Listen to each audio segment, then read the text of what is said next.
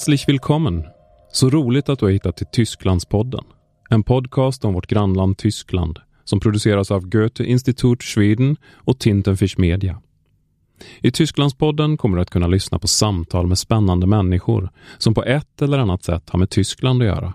Det kan handla om författare, politiker, filmregissörer, musiker eller någon som du vill höra. Mejla info snabela www.goethe.org och berätta vem du skulle vilja höra i Tysklandspodden. I varje avsnitt samtalar vi med en eller flera spännande personer. Ibland är intervjuerna på tyska med en sammanfattning på svenska. Ibland är det svenska hela tiden. Vi hoppas att både du som pratar tyska flytande och du som precis har börjat intressera dig för Tyskland ska tycka att det är intressant att lyssna.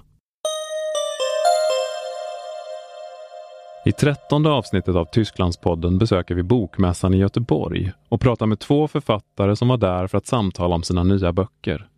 Dörte Hansen, vars Middagstimmen just kommit på svenska på bokförlaget Nona i översättning av Anna Hörmander Plevka. Och Sara Berger, som var i Göteborg för att prata om sin bok Match Deleted Tinder Shorts, som kom ut 2017 på Froman förlag i Tyskland. Jag börjar med att träffa Dörte Hansen. Vi sätter oss i bokförlaget Nonas monter på den minst sagt vimlande och stojiga mässan. So, wir sind hier gerade auf der Buchmesse in Göteborg und ähm, die erste Frage ist wohl dann, äh, warst du schon früher hier auf der Buchmesse in Göteborg und machst du auch viele Buchmessen in Deutschland oder hast du viele Buchmessen in Deutschland besucht? Ich bin für eine Schriftstellerin extrem selten auf Buchmessen gewesen. Ich war wirklich das erste Mal auf einer Buchmesse, nachdem ich selbst ein Buch geschrieben hatte. Und das war die Leipziger Buchmesse 2015. Dann war ich letztes Jahr in Frankfurt und jetzt bin ich das erste Mal hier. Und ich bin auch kein Buchmessenmensch, wenn ich ehrlich bin. Also nach, nach einem halben Tag bin ich vollkommen erledigt.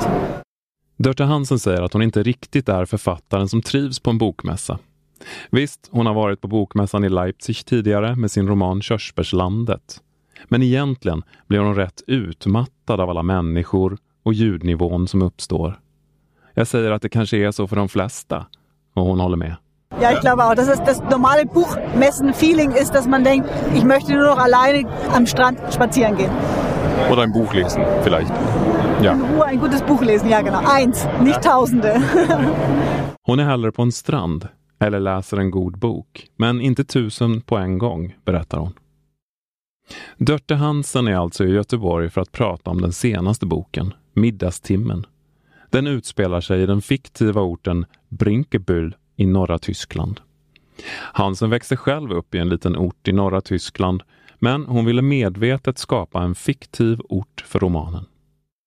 Weil ich keine autobiografische Geschichte erzählen wollte. Ich wollte eine Erzählung schreiben, einen, einen, Roman und da zwar viele Dinge einfließen lassen, die ich selbst erlebt habe oder die mir selbst durch den Kopf gegangen sind, äh, aber ich wollte auf keinen Fall autobiografisch und deswegen war mir auch wichtig, dass mein Protagonist äh, männlich ist und nicht weiblich. Also es geht nicht um mich und meine Geschichte, sondern es geht darum, was in Norddeutschland, in diesen Dörfern und ich glaube nicht nur in Norddeutschland, sondern vielleicht sogar in ganz Europa mit den Dörfern passiert ist, in den 60er Jahren bis heute. Tanken var att middagstimmen inte skulle bli för självbiografisk. Det var också därför hon valde en manlig huvudperson som skulle göra att läsarna inte tänkte för mycket på henne som författare. Dörte Hansen vill skildra vad som har hänt byar i norra Tyskland från 1960-talet fram till idag. I romanen förekommer en del dialog på platttyska och Dörte Hansen säger att hon själv pratar dialekten hemma.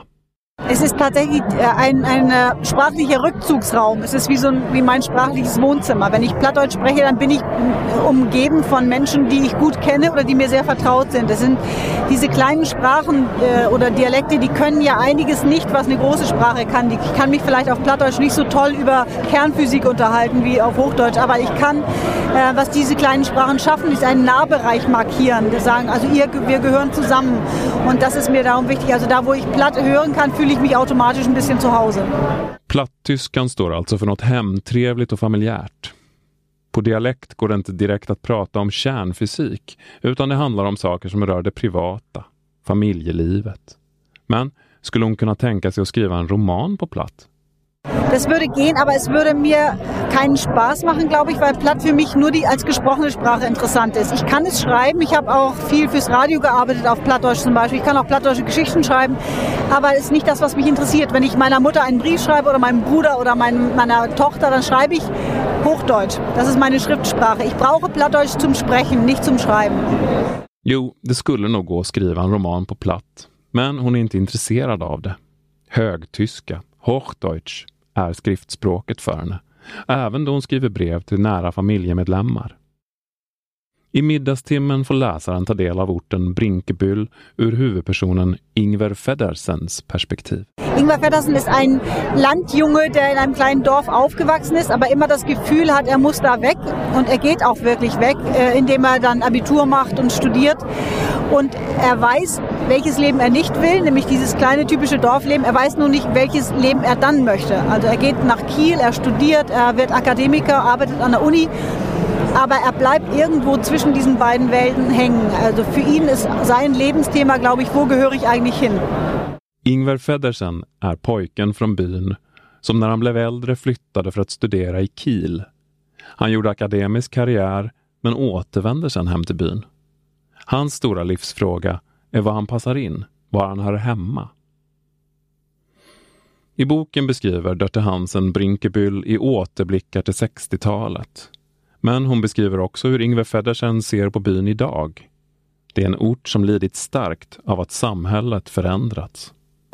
Also ich hatte, es ist ein Buch über Verlust. Ich äh, beschreibe den Verlust des traditionellen Dorfes. Wir erleben ja gerade das Ende des, des ähm, Agrarzeitalters und das hat meine Generation sozusagen selbst erfahren daran, dass sie merkte, die Dörfer haben sich komplett verändert. Innerhalb von 50 Jahren sind sie kaum wiederzuerkennen, weil die Landwirtschaft keine Rolle mehr spielt. Wir haben in einem Dorf, ähm, in dem ich aufgewachsen bin zum Beispiel, da gab es früher fast nur Landwirte, es gab nur Bauern und mittlerweile sind es glaube ich noch drei oder vier.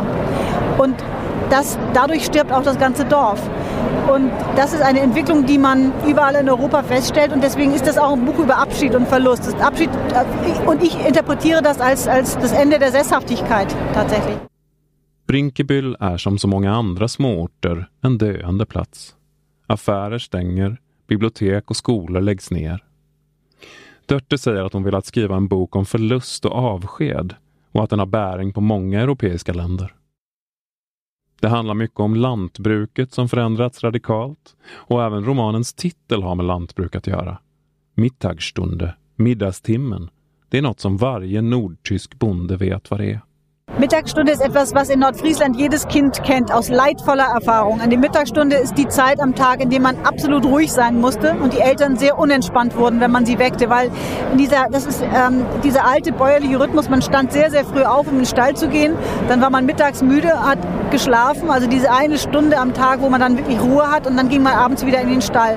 Das heißt, Mittagsstunde steht eben auch für diesen alten bäuerlichen Tagesablauf, für diesen alten Rhythmus mit dieser Zäsur in der Mitte des Tages. Ich finde es ein bisschen erstaunlich, dass man nicht so viel darüber gehört hat. Äh, ich meine, Siesta aus Spanien, das, das kennt man. Genau. Aber dieses, äh, diese Mittagsstunden eben nicht. Genau, ich, äh, ich behaupte, dass die Siesta eben nicht die südländischen äh, Länder erfunden haben, sondern wir in Nordfriesland. Wir haben die Mittagsstunde schon immer gehabt. Middagstimmen är alltså en vilotimme efter lunch då ingen vill bli störd. Lantbrukarna har gått upp tidigt för att ta hand om djuren och efter lunch vill de vila och sova en stund innan slitet med djur och åkrar fortsätter. Det är som den sydeuropeiska siestan helt enkelt. Middagstimmen av tidigare journalisten och nuvarande författaren Dörte Hansen är alltså just utgiven på svenska. Det är ännu inte Sara Bergers bok Match Deleted Tinder Shorts, så den får man läsa på tyska om man är intresserad. Boken handlar om datingappen Tinder och Tinder Shorts, är en genre som Sara själv hittat på. Ja, das kann man glaube ich schon so sagen. Es äh, ist auf, die, auf jeden Fall die Art und Weise, wie ich über Tinder geschrieben habe, ähm, in eher kurzen Geschichten oder Dialogen in kürzeren Texten, die sozusagen, glaube ich, auch das Medium selber ganz gut widerspiegeln, nämlich als äh, nicht unbedingt ein Ort, in dem äh, so in die Länge gedacht wird. Und äh, deswegen denke ich, dass da so eine Seite als Text ganz, als Platz für Text ganz gut passt. Ja, sättet hon skriver på om Tinder, i korta dialoger eller som korta reflektioner, har hon hittat på själv. Hon tycker att det korta formatet är passande eftersom det är så Tinder fungerar. Där skickar man ju korta meddelanden till den person man eventuellt vill gå på dejt med. Sara själv har varit på Tinder sedan tre år tillbaka. Och det var också då hon började skriva om det. Ich glaube, das war so 2016, Januar 2016, weil da habe ich auch angefangen zu tindern und dann sind mir eben äh, schnell so ein paar Sachen aufgefallen oder generell schreibe ich einfach über die Themen oder über das, was mich reizt oder wo ich irgendwie so Reibung in mir selber spüre und bewege mich dann literarisch, weil das eben meine Ausdrucksweise ist und ähm, das dürfte ungefähr so zeitgleich mit so Anfang 2016. ja. Hon skriver om det som lockar henne eller provocerar henne och på Tinder fanns det både och. Match Deleted består av korta texter av tre olika typer. Kort dialog, korta reflektioner eller skannade korta texter skrivna på skrivmaskin. Jag frågar henne om det här med skrivmaskinen. Är det ett medvetet sätt att analogt förhålla sig mot Tinder som är ett digitalt verktyg? Das war tatsächlich nicht bewusst. Äh, ich finde es aber eine sehr schöne, äh, sehr schöne Gegenüberstellung, die ich mir selber so nicht gedacht habe. Das ist ja oft so bei AutorInnen, dass sie sich nicht unbedingt, äh, also dass man ja viel mehr noch rein interpretieren kann. Ähm, ich persönlich habe irgendwann angefangen mit Schreibmaschine zu schreiben, weil ich verschiedene Schreibmedien ausprobiert habe, weil ich festgestellt habe, dass ich anders denke, anders schreibe, wenn ich mit der Hand schreibe und dann eben mit der Schreibmaschine festgestellt habe, dass das wahnsinnig anstrengend, also körperlich anstrengend ist und der ganze Schreibakt zu so einem körperlichen Akt wird, den, was ich dann auch schön finde. Also da entstehen einfach neue Texte oder eine andere Art, wie ich äh, in Sprache schaue oder wie ich mit Sprache äh, äh, mich zum Ausdruck bringe, ähm, eben auch noch so durch das Schreibmedium gefiltert. Und so kam das dann, dass ich irgendwann angefangen habe, mit der Schreibmaschine so ein bisschen zu experimentieren und naja, es hat halt eine schöne Optik, ähm, mit der man arbeiten kann. So führte eins zum anderen. Sara Berger blir glad över frågan. Men det var ingen tanke bakom skrivmaskin som analogt gammaldags verktyg mot det digitala Tinder. Snarare handlar det om att skriva snygga texter även för Instagram. Och när hon började insåg hon att hon även tyckte om att det var fysiskt ansträngande att skriva på en skrivmaskin. Det som gör Match Deleted till en så rolig bok är att dialogerna börjar med en raggningsreplik som är väldigt ytlig. Ich habe mich halt auch gefragt, warum man sich eigentlich nur in diesen Catchphrases so miteinander unterhält oder warum das überhaupt so der erste Ansatzpunkt ist. Und ähm, mir kam das einfach immer sehr, schon immer sehr faul vor. Ich hatte so das Gefühl, ähm, eigentlich ähm, möchte die Person gar nicht kommunizieren, beziehungsweise was ist Kommunikation? Kommunikation ist ja nicht einfach nur sprechen. Irgendwas sagen ist noch nicht Kommunikation. Ich muss auch ein bisschen Arbeit reinstecken oder ich muss mich auch irgendwie ein bisschen damit auseinandersetzen, dass ich mich jetzt in ein kommunikatives Verhältnis bewege. Ähm, und ähm, ja, und dann habe ich eben auf Grundlage dieser, dieses Gedankens, wie faul ist das eigentlich, dass äh, sich da niemand mehr Mühe gibt, irgendwie wirklich miteinander zu sprechen, ähm, angefangen eben diese Sätze auseinanderzunehmen auf ihre Bedeutungsebene, irgendwie, ja, wie du gerade schon gesagt hast, irgendwie halt auch so zu sezieren und halt ad absurdum auch zu führen. Und auf viele von diesen Catchphrases kann man ja auch eigentlich nichts antworten. Auf die Frage, ich weiß, dass es in Schweden, glaube ich, ein bisschen anders ist, aber das Wie geht's in Deutsch ist echt eine super schwierige Frage. Das ist eigentlich so die schwerste Frage, die man jemandem anderen stellen kann. Darauf kann man nichts antworten.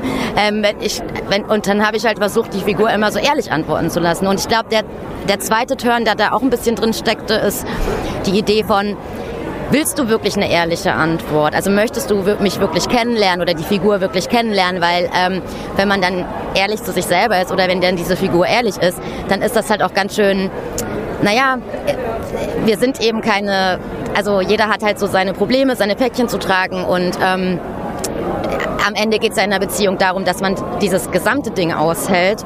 Und genau da endet es halt immer so in diesem, nee, das kann ich nicht aushalten. Sarah tröttnade på flosklerna på Tinder. Raggningsförsöken som var maskerade som frågor om ditten och datten men som ändå alla var ytliga och inte egentligen betydde någonting. Hon säger att tyskarnas Wie är en omöjlig fråga att besvara eftersom hur är läget egentligen inte betyder något. I alla fall inte oftast. Det är bara ett sätt att etablera kontakt. Och meningar som folk yttrade på Tinder var uppenbarligen egentligen inte kommunikation, inte på ett djupare plan. De skrevs inte för att lära känna någon. En av texterna i boken lyder En dialog är två monologer. Och det sammanfattar ganska väl vad Sara Bergers bok handlar om. Kommunikationsproblem i det digitala samhället. Auf jeden Fall. Ähm, es ist viel aneinander vorbeireden, aber das ist, das, ich finde, das beschreibt, glaube ich, schon auch ganz gut die Gegenwart. Ja, det kanske inte bara är Sara Bergers match deleted Tinder Shorts som sammanfattats av Ein Monolog sind zwei Monologe. Det sammanfattar nog också vår digitala värld. Och det var allt för den här gången. Tysklandspodden produceras av mig, Mats Almegård på Tintenfish Media för Goethe Institut Schweden. Ljudproducent är Andreas Tilliander. Vi hörs snart igen. Auf Wiederhören.